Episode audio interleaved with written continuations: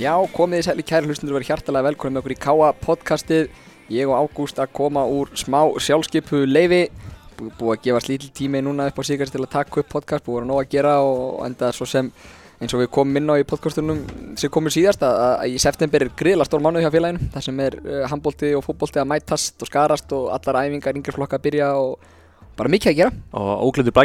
Og óglemdu Það blækinu þannig að það er nógum að vera en við erum mættir aftur á, með headphoneuna og, og klárir í slægin og við stefnum á alveg stútfullan og skemmtilegan þátt hérna hjá okkur í dag. Við ætlum að fá til okkar einn gest í hljóðver eh, Kata Vilhjálms. Ætlar að koma og spjalla við okkur um Káa Þór í handbóltanum og kannski svona pínu lífi sem Káa manneskja enda, enda hérna Uh, mikil káamanneskja og, og svo ætlum við að slá á þráðin til rittstjóra fótbolta.net Elvar Geir Magnússon og ræða við hann um Pepsi-dildina 2018 hvernig, hvernig honum fannst hún spilast Já, mjög spennandi þáttur og andi framöndan fyrir ykkur hlustendur. Já, en við ætlum að hefja, hefja leikin á að renna yfir svona það helsta úr starfinu undanfattan tvær vikur og, og við skulum bara byrja á uh, Þór Káa og Káa í fótboltanum. Þór Káa kláraði tíðanbilið hvað á maður að segja? Á maður að kalda vombriði ágúst það er töpu fyrir stjórninu síðasta leik uh, eftir að voru búin að missa titlinum. Uh, lenda í öðru sættu í Íslandsmótunum ná ekki að verja þennan Íslandsmeistartitil eða sækja hann aftur eins og Donni talaði um allan tíman það er staðrindi, það eru samt næst besta lið á landinu lang næst besta lið á landinu. Já, veist, þessi stjórnuleikur kannski ekki alveg að marka. Við varum náttúrulega örugar í öðursettinu og náttúrulega að býja eftir settilega undir Wolfsburg þannig að svo náttúrulega var þetta líka til, til þess að það vantaði þrjár mexikarska landsliðskonur í, í, í hópin sko. -hmm. en jú, maður lítur kannski yfir, yfir sömarið þá er þetta auðvitað- vombriði þegar liðið stemdi vægarsagt á titilinn Mhm. aftur og það eru eiginlega tvei leikir sem að klúðra titilinum, það er Selfoss úti og Og- Káa er úti. og K er úti, þessi tvei leikir eru rosalega dýrir. Erfitt alltaf að fara á Kópásvöld og vinna.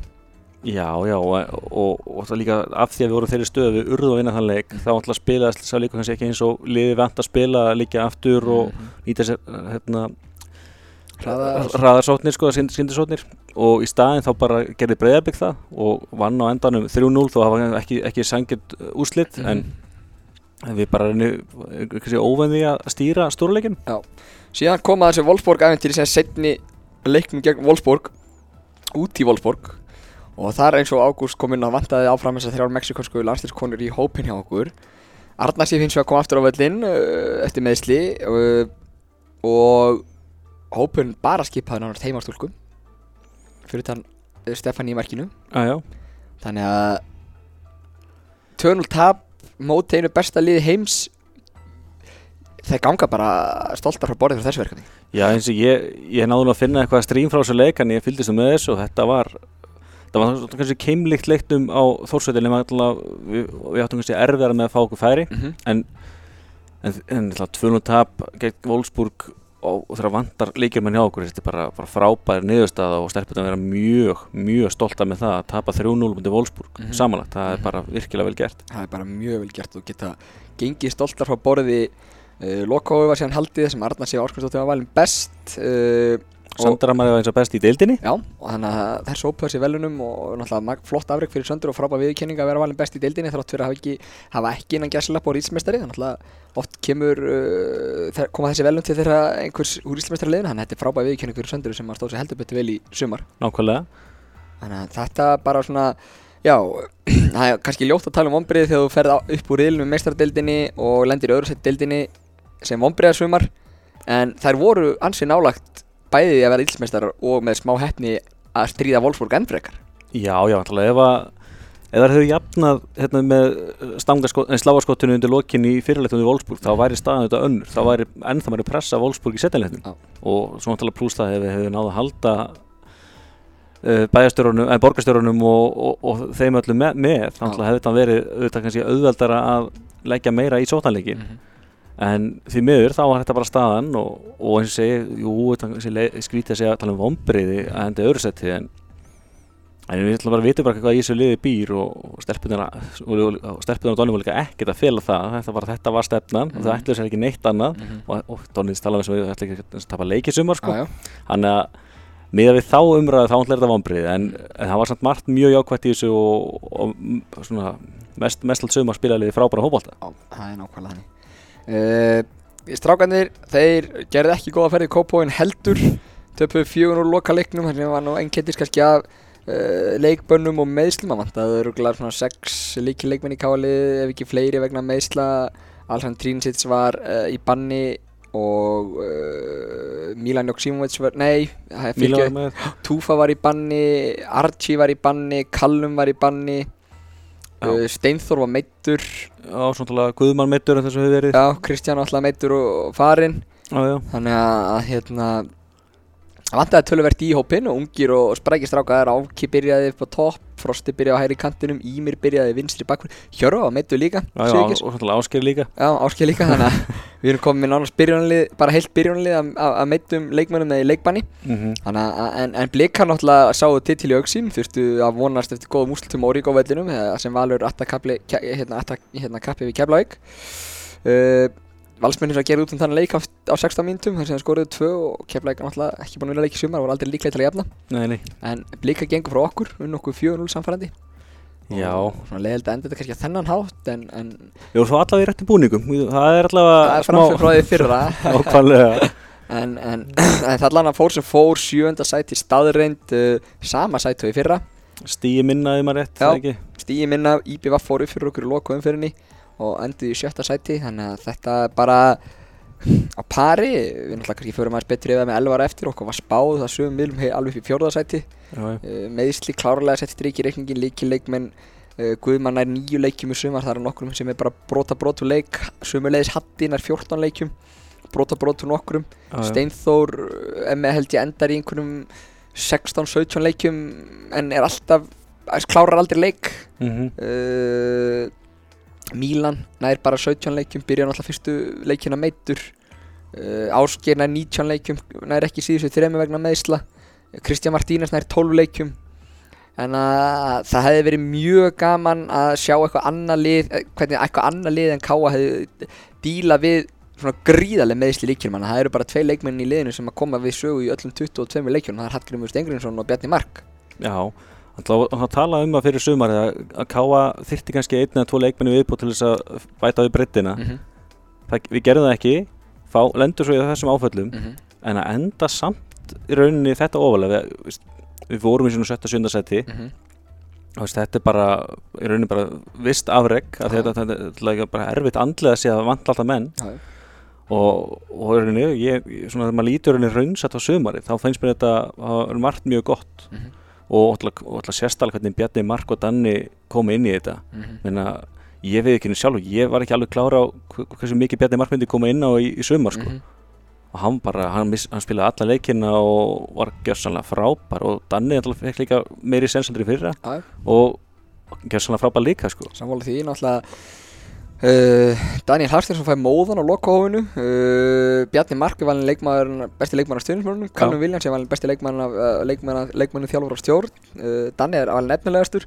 Þannig að þessi vel dreifðust á þessa þrjá. Mm -hmm. Áskir náttúrulega markaðistur uh, mjög gaman að- hérna á lokahófinu og lögutan síðast sem var haldið á greifanum. Bara flott lokahóf og, hérna menn svo sem ganga ágætlega. Sáttir einhver frá borðið en, en, en ljóst er og það sem náttúrulega einkendi í lokahófi og síðustu tvær vikur í umræðinni bæði eftir hennan stórskrýtna leikoka við Grindavík fjögur þrjúleikin og er náttúrulega það þessi breytinga framöndan Túfa er að láta störfum uh, samningun var, við hanna var ákveð endun í hann ekki eftir hann er búin að vera okkur í 13 ár og, og hann er að kveðja. Uh, mér verður mikil svaknar á Túfa hann er drengur góður og, og gott að vinna með honum við þekkjum það báður ég og þú. Mm, algjörlega. En, en, en til starfi er að koma Óli Stefán Flóinsson og nú er búið að tilkynna það og það er bara að klappa og klárt og ég hlakka mikið til að taka á mótunum inn á skrifstofunni þegar hann lætur sjá sig. Já, sam saman hér, ég átti mjög stutt Facebook-spjall við hann þegar hann voru að fara að tilkynna þetta Já. og ég líst mjög vel á hann. Og þetta er held ég gríðilega flottu karakter og, og held að þetta er líka svona baratu,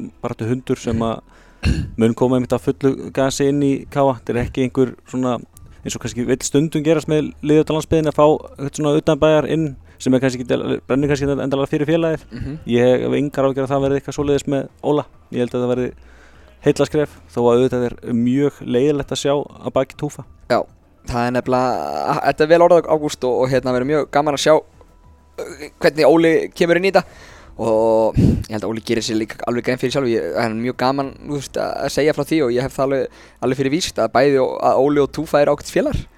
Bera mikla virðingu fyrir hver öðrum og, og Túfa hefur aldrei farið leint með það, hann ber virðingu fyrir Grindavíkuliðin og, og hvernig Óli hefur byggt upp í Grindavík. Og ég held að Óla sé sama sínum fyrir Túfa að, hérna, Óli þekki alveg ætti að þekkja þetta umhverju sem hann er að koma inn í og, og hérna verður mjög frólægt að sjá hvað hann gerir til þess að leikmannamarkaði nú er ljóst að einhverjir er að fara og einhverjir er í samleiksfyrðan við í hann á samning og annað þannig að ekkert sem er orðið tímanbært að tilkynna en, en, en hérna það eru spennandi tíma framöndan Eh, það eru breytingar og, og, og hérna og það er geta oft verið spennandi.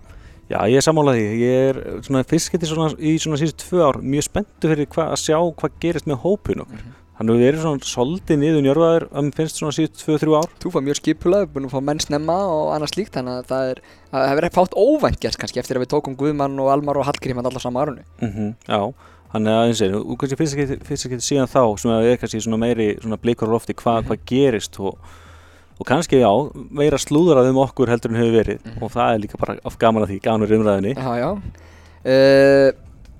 Ég held að sé okkur ekkert af anbúna en að bara að- að slá á þráðin til Elvars Geirs Magnússonar í kjölfara þessar umræða okkur ágústar og heyra hvað Elvar sem er mikla þekkingu á pepstildinni hefur að að segja um sumarið Já, Elvar Geir Magnússon hjá okkur á línunni í Káa podcastinu Heill og sætt Elvar Já, virkilega gaman að heyra ykkur. Hvað syngja menn hann fyrir sunnan þessa dagana í Silly Season?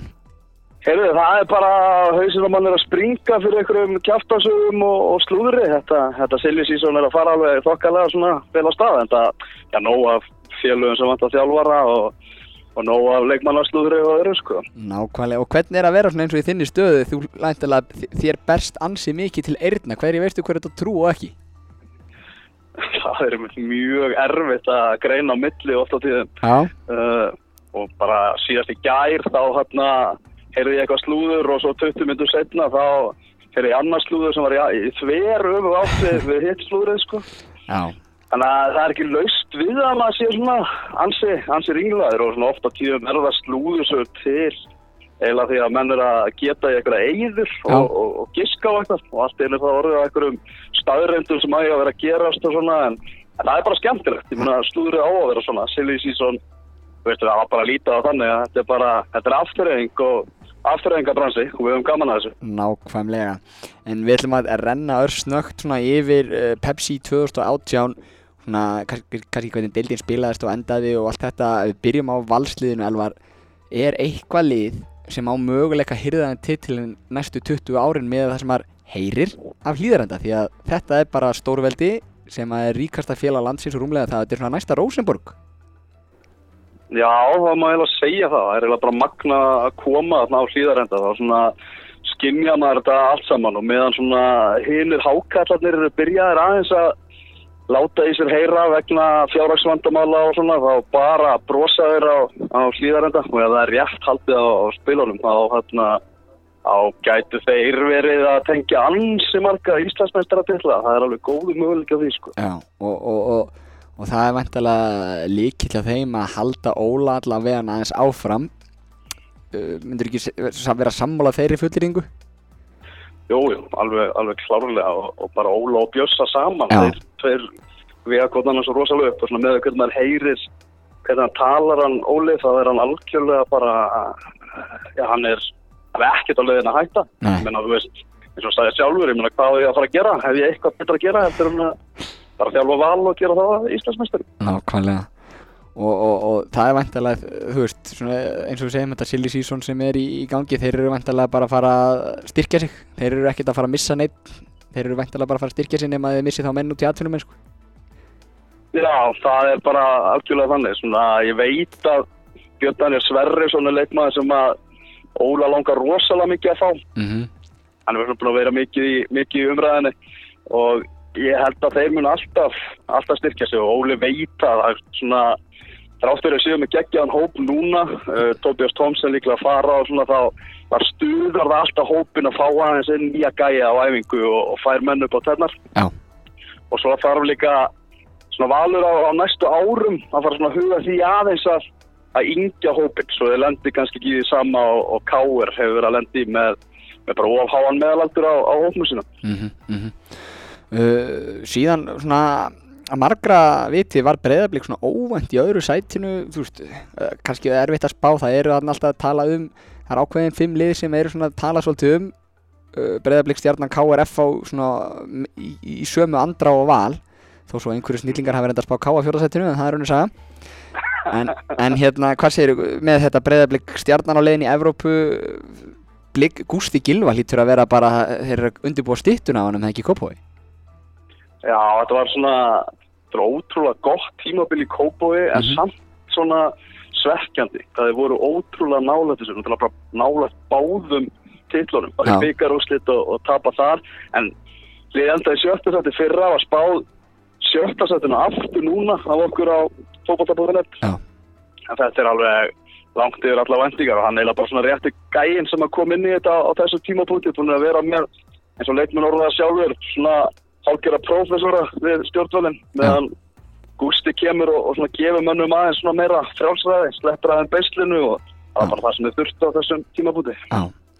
Og, og, og svo er hérna, ég hef alltaf stjarnar eitt uppáhalds bara íþróttafélagið mitt á landinu. Mér finnst þeir gera margt alveg rosalega vel í, í náttúrulega eina liði líka í Garðabæ og, og svona eftirtekta verk hvernig Garðabæ er að gera hlutina. En, en, en mér finnst þeir vera búin að einmitt ná svona ákveðnu stöðuleika sem er lið sem er 1-3 og bara og stór hluti því er kannski að hafa Rúnald Pál bara fastan í brúni Já, algjörlega. Ég meina, þetta er eitthvað annarsæti í fyrra og hitti fyrra og sem þriðja sæti og byggamestaratill núna. mm -hmm.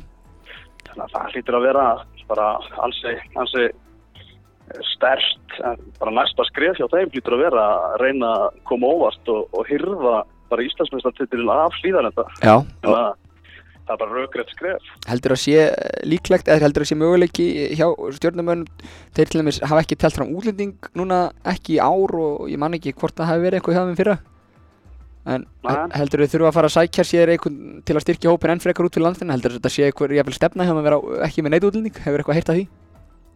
Já, það, það var, var stefnaðan. Þeir voru með, náttúrulega, uh, þó nokkar Dani fyrir Já. nokkrum árum síðan. Þegar Böttkerinn var hjá þeim að þá voru með Danina Já, og það var svona uh, að hafa Danina átt að hjálpa liðinu á næsta skref, mm á, á næsta stall og, na, og þeir ætluðu síðan að, og, það sem þeir gerðu, að, að taka útlendingan í burtu. Já. Og það er alveg stefna þeim að, að, að vera ekki að spila á erlendu leikmannum, en Mhm. ef að, þú veist, ef þeim býðst eitthvað geggjaðu gæi, Já. þá held ég að þeir hérna, þeir ekki að fara að hundsa við honum, ég trúi því ekki. Nei, nei, það er ólíklegra Já. Uh, Síðan koma hann að Stórveldin 2 FH og KR uh, Já.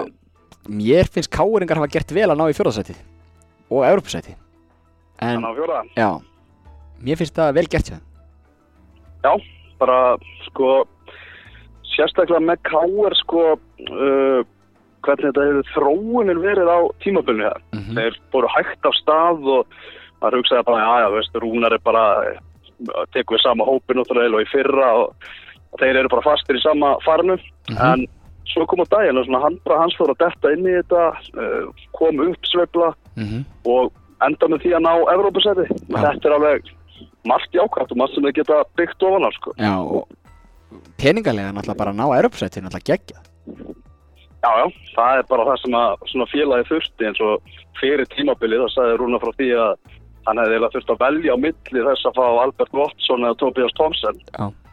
bara það sem að, að Buttan hefði ekki búið upp á það báða. Mm þannig að svona þetta setur það í aðra stöðu náttúrulega allt annað að vera komin, komin aftur í, í Evrópu. Já, og, og fyrir svona okkur hérna svona landsbyðamenn að horfa á uh, þessi félög, KR, Val sem er náttúrulega við getum tekið náttúrulega bara uh, þetta, þetta Reykjavíkur svæð með grótt og KR náttúrulega sama fermetranum, þetta er Viking, Val, Fram ná- nánast á sama fermetranum uh, maður hefur svona séð pínu haft svona áhyggjur af svona stórveldis og KR að, að sé bara ekki næg endur nýjun, það er ekki nægilega góð aðstæði hjá þeim hliðin og öðrum félögum, þeir eru að mínum að til voru allavega, ég bjóst ekki við um svona ofalega bara af þetta virkar svona félagi í krísun allavega, veitu hvað gerist með handbóltan síðasta vor eða þar á undan og svona alls konar Já, já, það er alveg bara algjörlega þannig ég fór á hérna K.R. Grindavík í, í sumar mm -hmm. og mér leiði veginn svona eins og ég væri bara komin í tíma við sko. Það er svona eða svæðið er allt bara nákvæmlega eins og var hérna fyrir bara mörgum, mörgum árum síðan já, já, og hérna og svona var, var einhver, einhvern veginn fyrðulegur andi yfir þessu Já.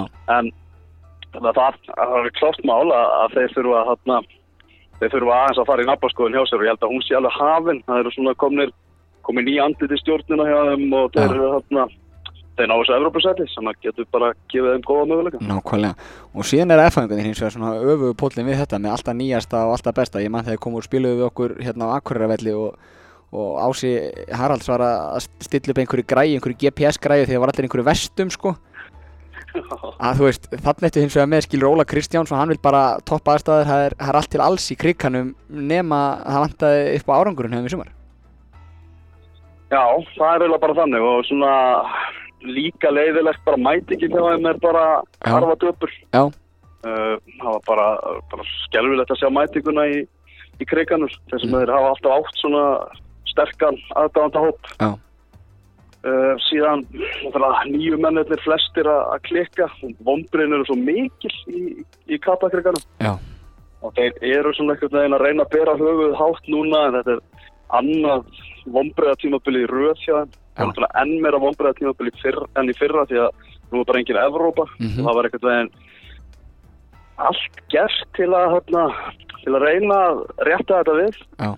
en þetta bara small enga veginn fyrir en svona rétt í blálókin Já. eh, svona náttúrulega ef að bara síðustu fimmum fyrir það væru marktækar þá, þá væri F á Íslandsmeistari sko. Mhm, mhm.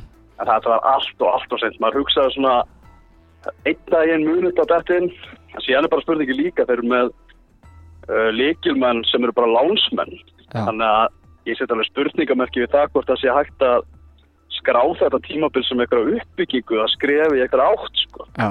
Ég, það var bara, bara kiftir gæða leikmenn og fengnir gæða leikmenn á láni og það bara, þetta bara gekk ekki og bara fundfullt tímabil fyrir F-fáinga Það er nefnilega akkurat þannig og við náttúrulega akkurreiningar þekkjum þessa umræðu frá því á fyrri árum þegar K.A. var kannski að tefla fram átt útlendingum í fyrstu deildinni sko að Mhm. þetta allavega, þetta heldur ekki, helst ekki hendur við til mér smæting á öllin Nei, að það er nefnilega algjörlega þannig við erum nefnilega ennþá þrátt fyrir að íslenski fótbollin sé alltaf að taka stærra skrif og stærra skrif og vera sínilegri og sínilegri hvað var þar hérna uh, bara útafið að þá er Mhm. bara veist, Brandur Olsen eða, eða, eða hérna eða Castiljón er ekki að draga neina fjölskyldumælim á völlin sko. Nei, nákvæmlega, maður það líka frá F-fáingum, þeir eru margir svona fyrirðar við því að leikmaður eins og til dæmis Alli Guðnarsson, það hefur bara verið geimtur á, á spýtuna eða í allt sumar. Já. hann kom, komst hann inn, inn í lokin og ég meina það bara teknir af mínútuna sem Alli spilaði þá er hann eitt besti leikmaður F-fá í, í sumar en mínútuna voru bara svo sára fáar. Já, það er nefnilega þannig. Uh, Árunum fyrir mig Káar, Íbjöða, Fylgir hljóta geta vel við unna við sjötta og áttunda sæti Fylgir náttúrulega nýlega er deildinni og bara við náttúrulega lendum ítlæðum í annar umferð og þess að þeir síndu styrksinn og unn okkur í eigilsöllinni og svo svona einhvern veginn flu- fluttu þeir áfram og enda í áttunda sæti. Kristján Guðmunds gerir hrikalega vel með IBVF og nær sjötta sæti. Já, bara Ólaður Ingi Skúlason er eiginlega bara helst ástæðan því að fylgir heldur sér. Og svo getur bara svo getur bara Kristján Guðmundsson bara farið hlæjandi í Herjólf og bara tvö mögnuð ár sem hann á á heldina litið hjá IPVF Já, það er engin og veist, þetta er ekki bara byggamestara titill og svo sjötta þetta er núna. Hann var að blóðka alveg fullt af ungum og efnilegum strákum. Mm Uh, þannig að það er hérna Kristján bara virkilega vel gert í honum og, og hann vann í erfið umhverfi. Það var alls konar baktal og nývar í bakinu á honum þarna, en hann leta ekkert á sig fá og Já. bara stór, stór plús á hans. sko. Vel gert uh, Káa, sjöunda sæti uh, keim líkur árangur og í fyrra uh, markmiðið um að gera betur náðist ekki en uh, ég náttúrulega ekki hlutlaus þú ert hlutlausar en ég Elvar uh, meðsli settu leiðilega strikki reikningin framan að hjá Káa og fórum hægt af stað Uh, hvað segiru með uh, sjö sigra, sjö jættefla, átta töp hjá Káa, tvö Og mörki pluss eins og þú segir, eins og þú segir með þessum meðsli er þetta náttúrulega alveg bara alveg stórmerkilegt. Mhm. Bara, og það hlýtur að vera einhver skýring á þessi. Þetta er ekkert, þetta er ekkert eðlilegt. Þessi, hvað eru margir leikilmenn sem eru frá og, og miðvarapari sem var þetta helsta umræðefnið í í aðranda mótsins náttúrulega bara meira á meðstöðlistunum heldur en inn á vellinum. ná saman 23 leikjum þú veist í heildina, Já. í heildina taka 23 leiki í Já. heildina Guðmann 9 og Hatti 14 Já, já, og stundum bara fluta á leikjum. nákvæmlega Þannig að þetta er svona, þú veist, þetta er náttúrulega menninni sem átt að þetta treyst á og svo náttúrulega markmaður er líka á meðstæðlistanum þannig að þetta er hérna þetta var alveg, alveg svona ámörguleitur strempið uh, verk og svona misjafnileikir sem, a, sem að káa átti Mhm. uh, en ég hefði viljað svona persóna, hefði viljað sjá káa svona stíga aðeins meira upp sko, það eru fullt af gæða leikmönnum hana, gæða fótballtamönnum Mhm. ég hefði viljað sjá káa svona sína aðeins meiri törfarskap Akkurat. uh, mæta í fleiri ekki hugsandi skilur við erum ekki lengur litlustrákanir sko Já. nú, er, nú erum við bara mættir hérna eh, til dæmis leikur á móti móti Káar á að sem að Evrópa var í auksín. Já, sem að Evrópa var í auksín og mér fannst að þar hefði svona uh, Ká átt að sína ef við getum orðað þannig meiri púk Mhm. bara, bara s- hugsa bara eru káeringar þeir hafa verið svona misjafnir á tímabölnu Já. og skulum við bara sína þeir kom ekkert hérna og halda þessi eitthvað stóru. Bara við Þannig að mér það svolítið svona það prósess að taka það skref frá síðastu tímabili Já. en það svolítið, svolítið mistakast aðeins að að- að að fara að stýra leikjónum meira og, og vera, vera liði sko. Akkurat. Og, og svo náttúrulega rannsóknar efni hversu mörg, mörg við fáum á okkur uppbóð tíma þegar við erum að leiða leiki. En, en, en það er örgulega á við fleiri lið þannig að maður þekki bara sitt lið hérna svona vel. Uh, Víkingur Reykjavík Grindavík halda sér í deildinni bara nokkuð örgulega 60 frá fallsæti. Víkingum af einhverjum var að segja spáð falli fyrir tímabili vegna gengis og undirbúinastímabilinu og, og hérna bara gerði ágætlega náttúrulega kannski pínu svona silly season fór í gang á mitt season hefði með Kára fannst mér. Einhvern Já, veginn. Er alveg rétt sko. já, þannig að þetta var, þetta var held ég samt bara ég held að logi geta alveg ágætlega við unnað og vikingar sko.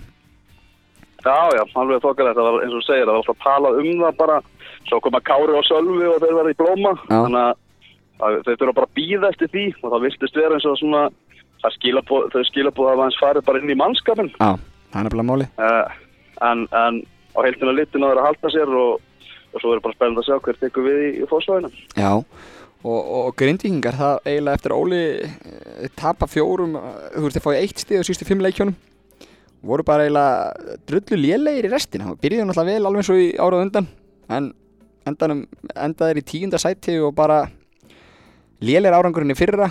Ég veit ekki hvað þetta segja um grindavík það er náttúrulega breytinga framöndunum þeim og Já, algjörlega, þetta er hérna, ég hef áhugjur af Grindavík. Já, maður heyrir Já, ma ég- leigubíla sögurnar segja eitthvað um fjárhag og annað sko, þannig að Já, og svona líkilmenn að hverfa á braut, uh, ekki nægilega mikið stemming í bæjarfélaginu fyrir Mhm. liðinu. Mhm. Það er bara leiðilega lítil með að við árangurinn sem að Grindavík hefur að ná. akkurat Uh, og, veist, er svo, það er svona, ég held að gæti reynst þeim erfitt að svona sannfara þjálfara um að koma í þetta uh, verkefni, sko. já, já, Það er að tala um það að túfasi viðræðan Já.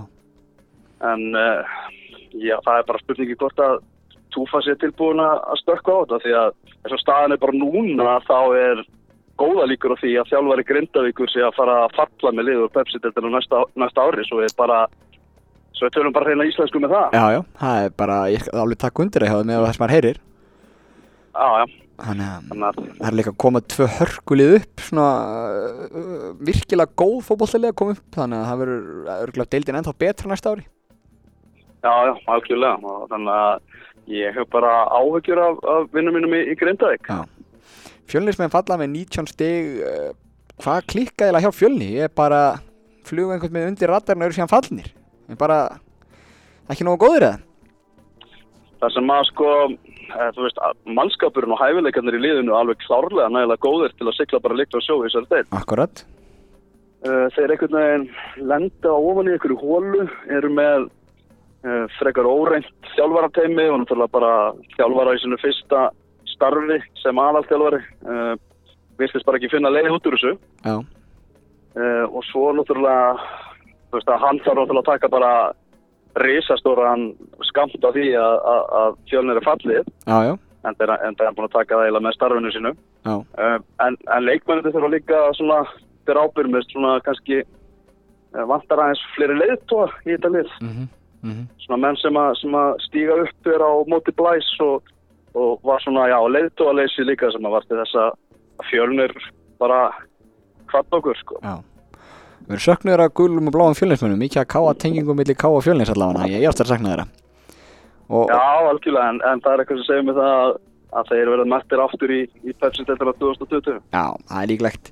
Uh, Keflingar settu einhvers konar meti örgulega fullt að þeim. Ég þekkit ekki bara tölfræðina nógu vel. Ég er vissum að Óskar Ófegur og stöðtöð hafi gaman að taka það saman en, en þeir náðu í heil fjögur stig og mínus 38 mörg og aldrei líklegir. Ég, ég, ég trú ekki ennþá þeirra ekki unni leik sko. Nei, veist, ég veit ekki hvað, hvað er hægt að segja meira einhvern veginn um, um Keflavík, sko. Þetta er bara, þetta er bara sorglegt. Þetta er það. og, og þeir fyrir svolítið, svolítið að fara að leita í grunngildin þegar markmið á þeim verður ekkert að fara beint aftur upp þeir þurfa bara aðeins svona taka til í, í, í sínum röðum Nákvæmlega. Uh, þá hefur við svona uh, uh, hérna lokið yfir fyrir okkar um þess pepsdeild og svona skemmtilegt sumar að bakja mörgu leiti þrátt fyrir að, að hérna eittlið hafi verið fallið bara í júli og, og hérna valsmenn hafi varið titil, það var þetta mjög skemmtilegt sumar fjölgun í deildinni á áhórundum sem er bara jákvætt umfjöldun alltaf að vera stærri og meiri því hljótið að fá fleiri lesundurinn á .net líka með hverju og hrósi ykkur fyrir frábæru umfjöldunum svo ofta áður Já, takk fyrir það. Já, já, það er, svona, er all, alveg blúsandi, blúsandi gangur á því og svona ákveðið svona jákvæð teikna lofti sko þessi á, áhöranda bæting Mhm. sem þú að tala um sem að þáttur þetta hafi kannski þá heildina verið ekkert mjög mikið. Það var náttúrulega háum ár og, og hörmulegt veður og allt það. Já, já, þá er svolítið jákvæmt að það er uh, svona mesta bætingi verið vera á lokaumferðunum. já, Þannig að það er kannski svona smá meðbyr sem við getum tekið með okkur inn í, Já. inn í næsta tímabil. Og var ekki líka kannski, geti ekki svolítið inn, spilað inn í að sólinn skein svolítið hann í september í Reykjavík í fyrsta skipti bara frá því einhvern tíman síðarsumri eins, fyndur að segja að þá er, það er margir þættir sem stuðla því að árandamætingin er ekki meira en þetta. Já, En ég vil segja það bara stærsti þátturinn í sumar var veðrið. sko. Það var náttúrulega, bara grín, sko. já, já. Ég fór okkur nokkur útileiki með K1 ég fór í krikan og sko það er geggja að koma í krikan þetta er bara svo að koma að leiki útlöndum aðstæðan og þú veist það sem er í bóði grillaðar hambúrgarar og kaldur og þú veist það er allt þarna sko og, og, Mhm. en þú veist svo satt ég undir skikninu bara með, í lópapeysu í mæ og það var bara ógeðslegt veður sko Já, hérna krakkarnir eru að vera með fjölskyldun á völlin fannst þeir að væla yfir kulda kannski eftir hálftíma leik það er, það er dansa erfitt sko. Nákvæmlega og, og eins með ég fór á Oríko völlin og það er náttúrulega bara, þú veist eins og við töluðum um áðan sko, þetta valsbíó er náttúrulega vel alveg styrlað og, og, og önnur lið er mega að reyna að taka þessi til fyrirmyndar, þetta er náttúrulega alveg geggjað að koma þarna Já, algjörlega sko, búið, búin að búa til alveg fárálega góða um, umgjörði í kringum þetta sko. Já. En, en Elvar áður en í sleppið er uh, úr spjallin okkar, þá langar mig að fá aðeins þína skoðun á hérna þessi þjálfara kapli sem er í upps- uppsiglingu og kannski svona þína tilfinningu fyrir hvað gæti verið uh, næstu skref fyrir félagin svo Káa. Nú er búið að tilkynna Óla Stefán Flóvensson sem næsta þjálfara okkar Káamanna og, og hérna Túfa kveði eftir 13 ára samstarf og, og, og verður mikill söknuður af þeim góða dreng en, en, en hérna, breytingarnar eiga sér stað og, og í hvað er Óli að fara út í? Og hvernig á Óli eftir að passa við Káa? Það er hérna eitthvað sem ég er mjög forvöldin að sjá og svo náttúrulega uh, veit ég ekki hvort að Janko sé að fara með honum. Mm Uh, ég, ég vona það innilega að káa vegna það. Vegna þess að þeir eru alveg, eins og við erum búin að grinda ekki ná alveg sveikalega vel saman og Já. að fá svona fótbolta heila eins og Janko Mhm. uh, til káa er þið algjör kvalriki. Já. Uh, en Óli Stefán náttúrulega leynir sér ekki að hann hefur óbílandi metnað í, í þjálfun. Mhm. Og hann er að, við erum að tala um það, hann er að fara að hugsa um káa, uh, bara alla þær mínútur sem hann er vakandi og vantilega sofandi líka. Já, Þannig að, þannig að káa er að fá hann að þjálfara sem að fara all-in. Man Mm. heilir alveg á honum, hann er þjálfari sem vill í framtíðinni bara detta í flokk sem að menn eins og Heimi Guðjónsson og Óli Jó er í, sko. mhm, mhm Þannig að hann mun gefa allt sitt í káa. Það er alveg klart. Já. Uh, það sem hann líka náttúrulega þarf að gera á káa er eins og svo erum að tala um að ég vildi sjá káa svona stígu upp og fara að vera svolítið stóru kallarnir í, í leikjum. Mhm, Uh, það er verkefni frá hann. Hann þarf að sína það, hann spilaði alveg hárjætt með Grindavík með við mannskap. Já, Hann þarf alveg að sína hann sem með svona meira í þjálfaravopnabúrinu sínu því að hann hann sé ekki að fara að spila Grindavíkur taktíkina með káa. akkurat hann sé, sé svona að geti aðlaða sinn, sinn leik og ég held að geti það ég hef hérna, ég er mikla trú á þessar ráningu Það verður, ég laka mikið til að fá allan í bumbubóltan með mér í hátinu, hann er störku fótboltamaður líka. Já, það er það.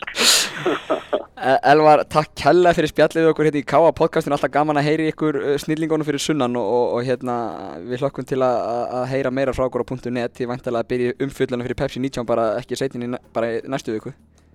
Já, það er vel að byrja þess. Já, nákvæmlega Það er ótíma að byrja bara spá á leiðinu núna setnipartin í dag. Snild og Káa eða hvað Nei, ég lík, nei, ég lík ekki. Herðu, glæsilegt Elvar, takk kella fyrir okkur hérna á norðan Er þið gaman að heyra ykkur? Heyrumst, já, bye bye Gaman að heyri Elvar Geir og alltaf gaman að taka svona símavittölu Við erum oft uh, landfræðilega bundin að geta fengið sérfræðinga þá notum við bara síman Já, já, við erum mjög tættilega sinna hérna í Káa podcastinu og Engin, engin spurning, en handbóltavetturinn hann er uh, áfram í fullum gangi, er þetta búið að vera pása núna, landsleikja pása hjá bæði köllum og konunum. Uh, B-landsliðin voru að æfa og, og A-landslið hvernig að spila gegn Svíþjóð og, yngri landslið að æfa, fleira til. Þannig að uh, þetta er alltaf að fara á stað núna, stelpunar okkar í K.O.Þór spila gegn IBVF í dag. Þær eru með tvö stið eftir uh, tvo leiki, töpuðu samfærandi fyrir val í fyrstu umferð þar sem uh, byrjunin reyði að fullum. Uh, lendu strax uh, átta mörgum undir og snýru illa tilbaka úr þeirri stöðu. Uh, ég heldur enda að það er, hreinlega unni í setjáleikin eða hvort það er bara verið jafn Jú, jú, það, það er unnu setna hálfleiki með tveimur eða eitthvað svoleiðis. Akkurat, þannig að það er svona komið tilbaka og síndi alveg að það er eitthvað spunni í þar og, og heldur betur kórónu það og fylgdi því eftir gegn haukum ásvöldum viku setna þar sem það er uh, unnu hauka, spútniklið hauka og alveg hérna liðið sem er spáð topp fjóru sæti í deildinni. Uh, með einu marki, leiktum allan leikin ánast uh, lendur síðan í því að, Marta Hermansdóttir fær þryggja sóknar kvíld vegna meðsla þar sem ekki var dæmt brottvísun og, og það hérna haukandi komast þess inn í leikin og, og, og gátu stólið sigrunum í restina. Fær í sókn og klúðra, við förum í sókn með lítið eftir og, skorum glæsilegt mark eftir frákast og fyrstur stíðin á töfluna í Ólís kominn og, sannlega ekki eitthvað sem mann uh, sérfræðingar hefðu spáð fyrirfram. Já, ég held að það sé raunin bara er mikil yfirlýsing hjá stelpunum að sækja sigur á ásvöllum Já. og líka með, með þessum hætti að leiða alla leikinn mm -hmm. lenda samt í því að hauka komið tilbaka þá kannski all, margir að, að búist við því að hauka klári svo leikinu kjölfarið. Stelpunar gáist ekki upp, heldur áfram og, og klára þetta svona. Sínir hvað gríðalegu karakter og bara svona alveg liðseild. Já. og ég held það að stelpunar er klálega eftir að sína það í, í vettur þetta, þetta er engin, engin hefni eða einhver einstakur leikur sko. Mhm, og ég er mjög björnsinn á leikingin í BF í kvöld. Það er bara þannig. Já, það, ég er sammála því og það IBVF náttúrulega hefur komið á óvart á vondanhátt í dildinni þessum afi er uh, út af því að það er til dæmis töp uh, fyrir háka á heimavelli í sömu umfyrir og við unum hauka. Já, það er bara ótrúlega úslit þegar ég var að veikna fyrir tímabili held ég að HK er því bara, svona fallbissu fóður. Akkurat. Minna það er ekki styrt sér sérstaklega mikið frá síðust, síðust tímabili Mhm. sem að mér fannst við er að sko töluvert sterkar þó að við höfum reynda þurft að spila hann í ústaleik í lokaðum fyrir Mhm. um að að fara beint upp. Akkurat. En gríðarlega bara, bara mikið virðing á þær að fara til eiga á öllu stöðum og, og vinna. Og kannski kannski er bara munurinn á þessum efstu deild og grillsessi 6 eins og var í fyrra bara miklu miklu minni heldur en maður held sko. Nákvæmlega, góð punktur. Uh, Leikurinn í kvöld, hann er 19.30 og hann var, færið frá kl. 6 út að ferða til hugin IBVF og þetta er skemmtilegu haustlæðar sem að dýnir á okkur hérna á Akkurir í dag. Uh, Ég veit, við hvetjum að sjálfsög alla til að mæta stelpunar eða stuðningir svo sannlega skilið. Uh, uh, Hérna viljum fá köttu Viljáns til okkur spjall bara eftir smá. Við ætlum fyrst aðeins að renna við strákana sem eru eins og stelpunar búin að vera í pásu síðasti leikur verið í pásu veginn fram í, í, í Samamýri. Þeir tapaðist á endanum nokkuð öruglega eftir svona kaplaskiptanleik, jafnan og kaplaskiptanleik sem meðal annars við lendum átján 14 undir skorum síðan 5 mörki röð og förum 19 átján yfir. En þá uh, kom ákveðin bakslag í sóknarleikin okkar uh, vörðni fór að leka Viktor Gísli í markinu og fram fór að verja eins og engin verið morgundagurinn og endanum sildi fram uh, örugum fimm marka sýri höll. Já, ég verður ekki neitt, það var, það var skrítin leikur að vera. Ég, ég fór söður og endaði með svo bektum hjá strákunum sem starfnaði B sem Já. ég hef enda svolítið gaman af. Var stindur á spýtunni? Já, kom ekki til ná hvort ekki þín á skandal En já, e- eins og seg- segir sko, fram var koman í góða stöðu í setjaflöndum, 18-14 yfir og ég veit ekki nema, það var svona komið smá svona slæma tilfinningu að það erði erfitt, það var, það var lítið ganga, ganga hjá okkur. Þá tökum við leikli Mhm. og vörnin gjössalega smellur fimm í röð. skorum við þessi fimm í röð og þarna var bara, heyrðu, vá, við erum, bara, við erum með þetta. En þá bara gerist bara sama hinnum meginn og framvændi styrir sig við aftur og, og við, það bara, við gátum ekki keift okkur markan tíðanbili, bara Viktor Gisti gjörsan lokaði markin og þetta er gætlega bara sem að framvændi er bara lifa á, það er að Viktor Gisti fari í svona ham bara í vettur Já, svo alltaf líka Þorgrimur Smári skoraði eitthvað nýju mörg eða eitthvað og, og var svakalur Mhm. en hins að segja það líka að skrítið að segja að mér fannst eins og að það vantar smá ákefð í varnarleik okkar, kámanna Mhm. þannig á, á, á tímabili mm yfirleitt eru menn svo ótrúlega hreyfanlegir Já. snöggir út og drepa ekki bara alla sem koma nála Já, já. öðinni framvændi fengi að skjóta svolítið fyrir utan og það bara, það var inni á þeim í dag. Það daginn. Já. Við vitum líka að við erum þannig að við þurfum bara að vera on til að Já. klára okkar leiki. Þetta verður allir leiki verið erfiðir í vettur Það áttur að tölur eins og 11 mark sér og haugungir eða ekki að verkum að hafa leikurinn hafi verið erfiður. Við þurfum bara að hitta okkar dag. Við þurfum að vera on, það þarf alltaf að vera undirbúningur uh, dagsformið, allt þetta þarf að spila með okkur. Út af að við erum lið, það lið sem er spáð næstu sættunum deildinni. Mm við erum nýlegar, við erum einslu minni og, minni spáminni okkar liði heldur en öðrum. Þannig að við vitum hvaða hluti þurfa að vera í lagi hjá okkur. Uh, og, og, og það er eiginlega bara komið okkur að sína það í leikja gróttu hérna á mánudaginn. Já, þetta er svona, þetta er eina fjóristega leikur. Þetta eru tvölið sem er vantalega að fara að berjast um að falla ekki. Og þetta er leikur sem við eiginlega verðum að vinna fyrst að töpum get, get fram. Við í- í rauninni vinnum innan gæsla bara rángan leik með því að vinna af því að haukarnir, þeir munu alltaf enda í, í, við, við toppin sko.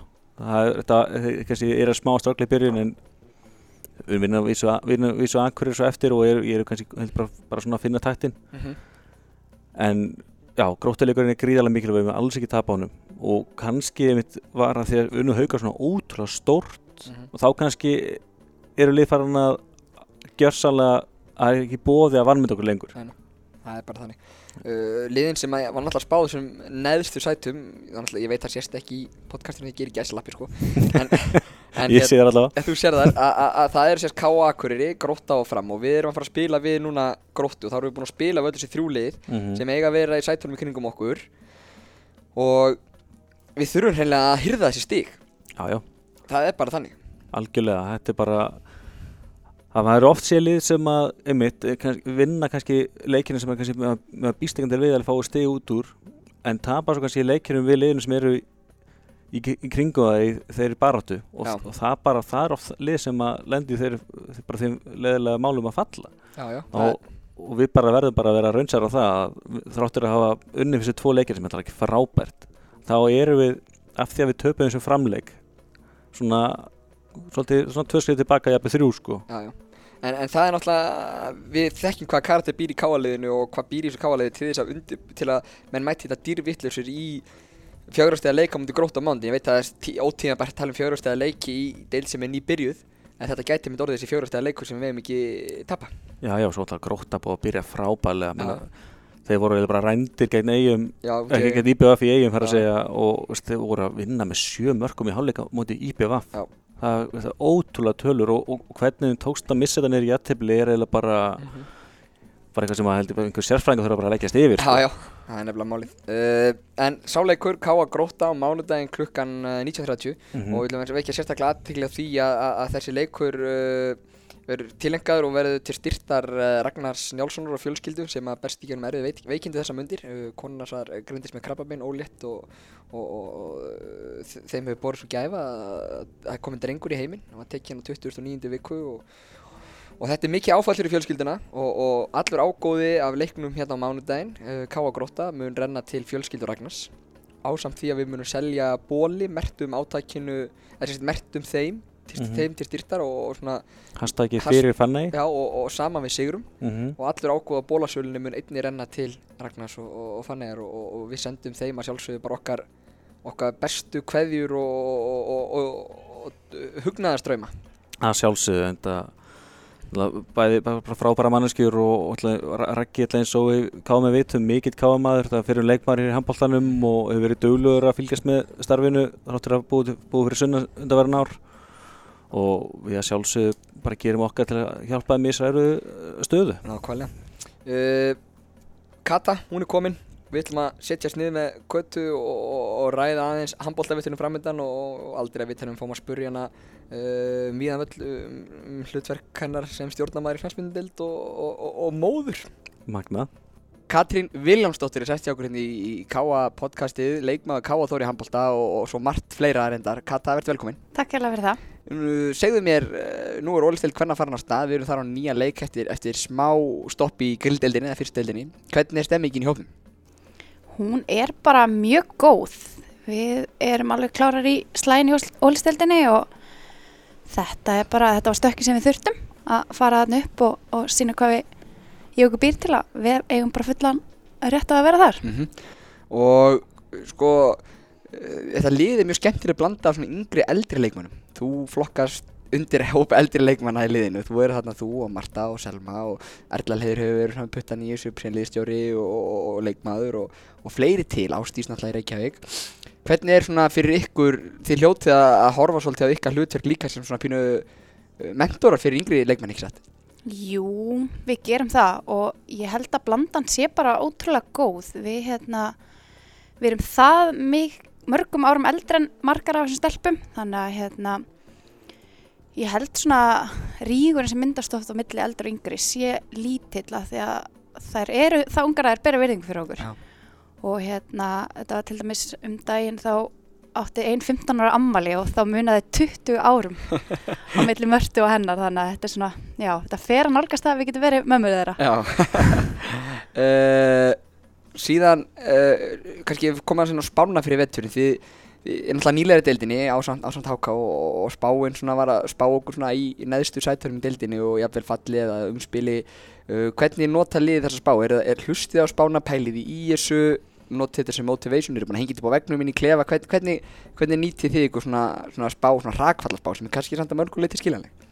Já, maður skilur alveg þessa spá en ég held að við spáum ótrúlega í tíðinni. Mhm. Við erum allavega ekki með hana upp á vegg eins og kannski sumli gera en hérna við bara ætlum að sína það að þessi spá er bara vittlus og Mhm. gera betur en það en ég held að, að það sé ekkert gott að vera alltaf mikið að spá í því að maður er spáð efst eða neðst eða hvernig það er. Mhm. Við bara gerum okkur besta og alveg saman hvað spáin segir. Nákvæmlega og, og, og það, síndi sér strax í annar umferð þegar við spilum við hauka ásvöldum lið sem að sló okkur út í undurslum í byggari fyrra og bara með betri liðin landsins þeir fóru bara þangað óhrættur og svo tvö stig Já, ég vissi allan tíman að við myndum vinna hauka þar sem að svona mesti skjáltum að fara úr, úr okkur eftir fyrsta leikinn og í hérna rauninni kannski bara til fyrsta kortir í fyrsta leiknum. Já, eiginlega, það má ég alveg segja það. Þetta var svona ólís hrollurinn var farin úr og hérna en við áttum náttúrulega pínu harma hefna gegn haukum að því að okkur fannst við eiga að gera betur þar í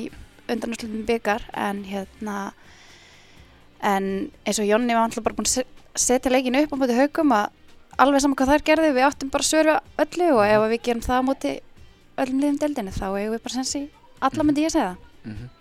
Og, og þetta er, ég rætti stuttlega við St- Stefán Átnarsson hérna kallaþjálfarinn bara sem ég takja manna spjallin daginn þar sem við myndum að ræða sko andlegu og undirbúningsliðina í handbólta sem íþrótt. A- a- a- a- þó að við séum kannski ekki með flestu landslýsmennina eða, eða fyrrum atfinnumennina eða hvernig sem er að þá eru svona ákveðinu þættir sem að Káa Þór getur ve- verið frábæran heimavöll, stemmingu, vel undirbúnar, vel þjálfaðar. Og þetta lítur að vera svona ákveðinu punktar sem að þið er að pæla í sérstaklega Já, við gerum það og þá sérstaklega heimavöllin okkar. Mhm. Við hérna, uh, ég nú spila þarna í meistarlokkin þó nokkuð mörg ár og svona síðustu tvö ár hefur aldrei verið jafnvel mætt á kvennaleiki og þessi síðustu tvö ár og hérna, og við erum bara svolítið að vinna með það Mhm. að búa til brjálastemningu hérna það á að vera erfitt að komingað og hérna, og það er bara eitthvað til að byggja á. Við bara töpum einu leiki vettur og það verður bara þannig Já. á heimavelli. það verður bara eitt tap og Það bara eitt Það er og það er búið. Og þá kannski aðeins að leiknum í kvöld, við erum að fá IBVF í heimsókn og, og fyrirfram þá er náttúrulega þetta IBVF-lið mjög gott og, og, og hérna sterta pappírónum en það er heldur betur minnstuður sér gegn HK á heimavellið mitt í annar umferð. Hva- Hvernig líst þér á leikinu í kvöld? Ég líst bara vel á hann. Mhm. Ég hérna, ég, við eigum bara góðan séns og ef að við náum upp vörn þá og spilum bara lítinn sóknileg, Förum í sem fáar uppstildar sóknir, Mm -hmm.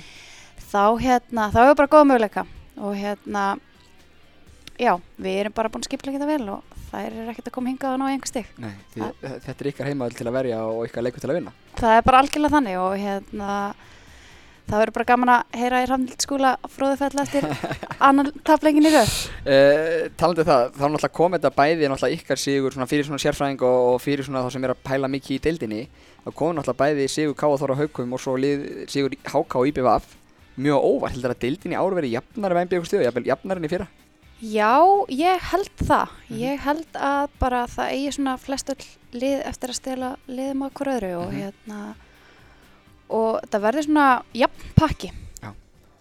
Og, og liðið ykkar náttúrulega tók uh, örlittli með, ef að þannig má segja breytingum milli ára, náttúrulega missum uh, sunnu, suður í, í hérna HK og, og, og svo fóru þær Kolla og, Magga og fleiri hérna svona í nám suður.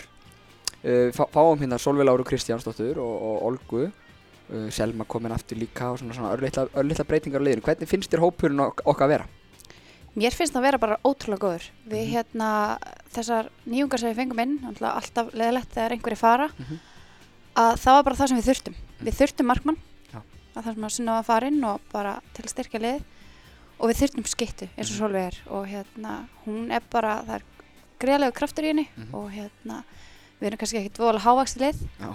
þannig að við þurftum hérna aðeins að aðeins að fá einhvern í herri kantinum og það er bara það sem hún er og hún er algjör slegja, bara algjör snild að fá hana. Og þið eftir bara eftir að vera betið þegar líður á því að þið ennþá aldrei sástu inni sem er jafnar sér ristabróti Já, það, er, það var náttúrulega alveg sjokk út af fyrir sig að missa hana og hún er búin að vera duglega að æfa núna Já. þrátt fyrir að vera í meðslum þannig að ég bara, við verum bara betri ef eitthvað er það líður á veturinn Uh, en við snúum okkur ekki svona öðru þá þrátt fyrir að vera hérna okkar besti vinsturhóttamaður í, kvennaboltanum að þá gegnir þú fleiri hlutverkum innan káa þú til dæmis hérna stjórnamaður í knarspindel hvernig, hvernig er það? Hvernig er að vera svona sjálfbóðalið í síðan annari deild? Það er bara mjög skemmtilegt Er? Ég, hérna, ég ætla mikil káamannskja og finnst gaman að vinna fyrir félagið Mhm.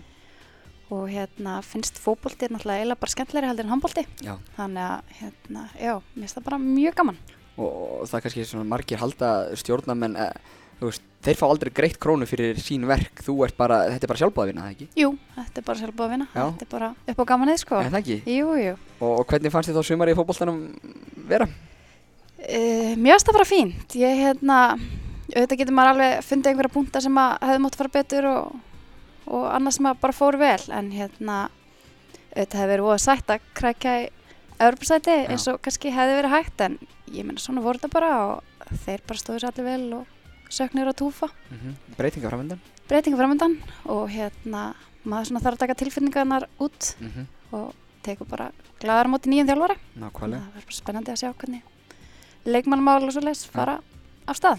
Nákvæmlega og, og, og þú, eins og, eins og ég sagði, þú ert ekki bara handbóltaleikmaður og, og stjórnarmælumir í knastmyndildinni að þá er náttúrulega líka börn sem eru að fara að æfa hérna íþrótti með káa hvernig heldur þú að svona, ef þú- þú nú vini vísverðum heiminn og landi hvernig heldur að káa sér að standa sér bara svona almennt í yngaflokka starfi, handbólta, fótbólta er þetta ekki eitthvað sem þú getur verið stolt af?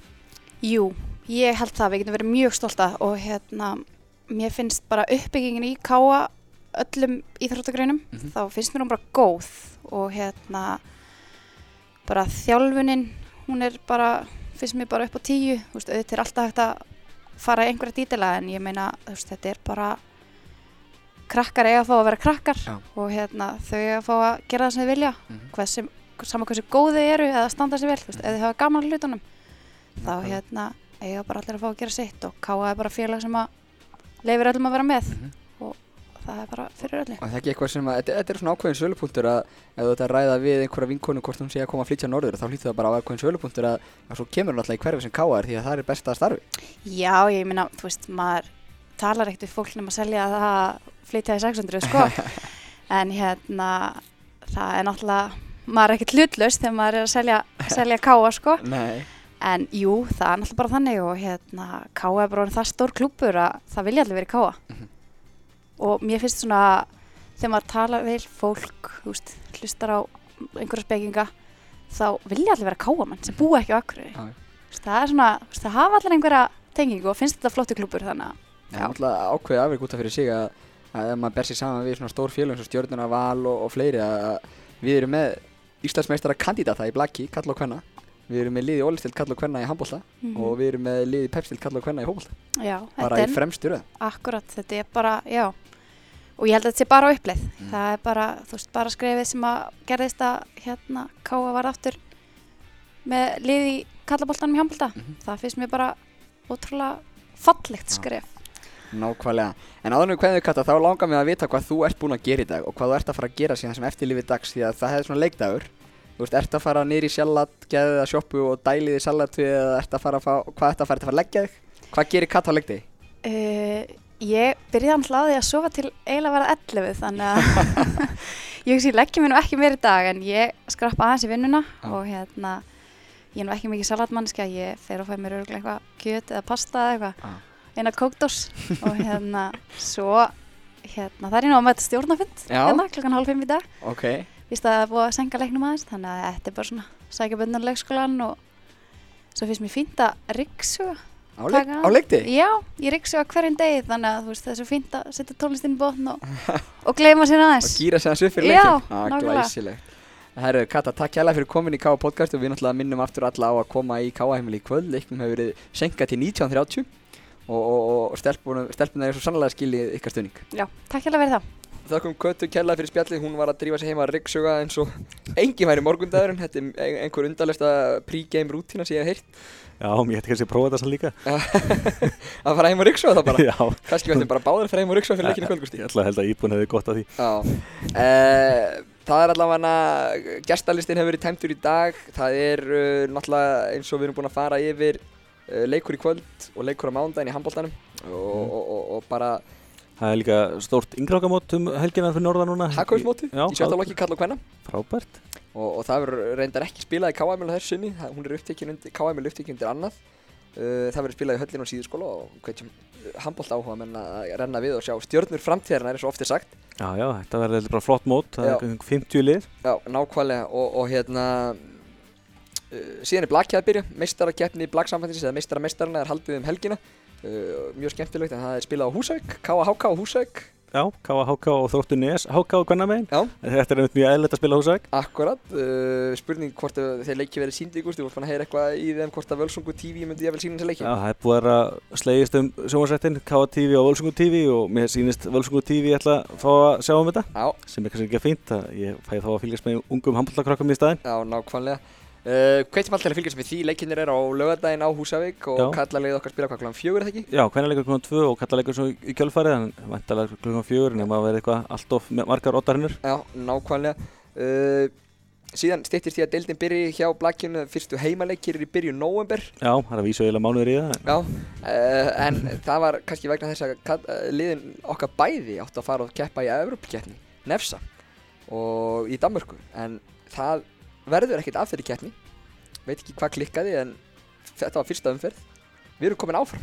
Já, þið bara ábara árangur að báðum okkar liðum og komast áfram í næstu þetta umferð. hlýtur að vera sögulegt afreg í Blackinu að kalla á kvennalýsi komið áfram í næstu umferð. En nú veit ég eins og bara hversu mikið íslensk félagslega hafa tekið þátt í erbyggjættum í Nei. Alltaf har alltaf langt, Við langt síðan köllum allan eftir ef hlustundur hérna, uh, viti eitthvað um það. Endilega. Hafa samband við okkur hvort þetta sé vel í fyrsta skipti sem að Íslands blagleikist áfram í Europakett Já. En það var allan að vera spilað í februar í Danmörku mm og, og, og við liðum okkur þarna á ótrúið þanga Setnum við ekki örgulega hópferð fyrir stuðnismenn það allir rétt á hann, þetta var gaman að taka hérna, eina helgi í Danmörku og fylgjast með blagkinu og það verið snild. Já, ég er með þess að til í að kaupa sjónrættina þessu fyrir káti Káati Nú til þar Sigurlega Sigursson og Ágúst Stefánsson þakka fyrir sig í dag. Við verðum hér aftur í næstu viku. Við erum búið með Já. og boltinn komur á stað aftur. Við vondið hafið haft uh, gagn og gaman að þættinum í dag og heyrjumst aftur í næstu viku. Gerum það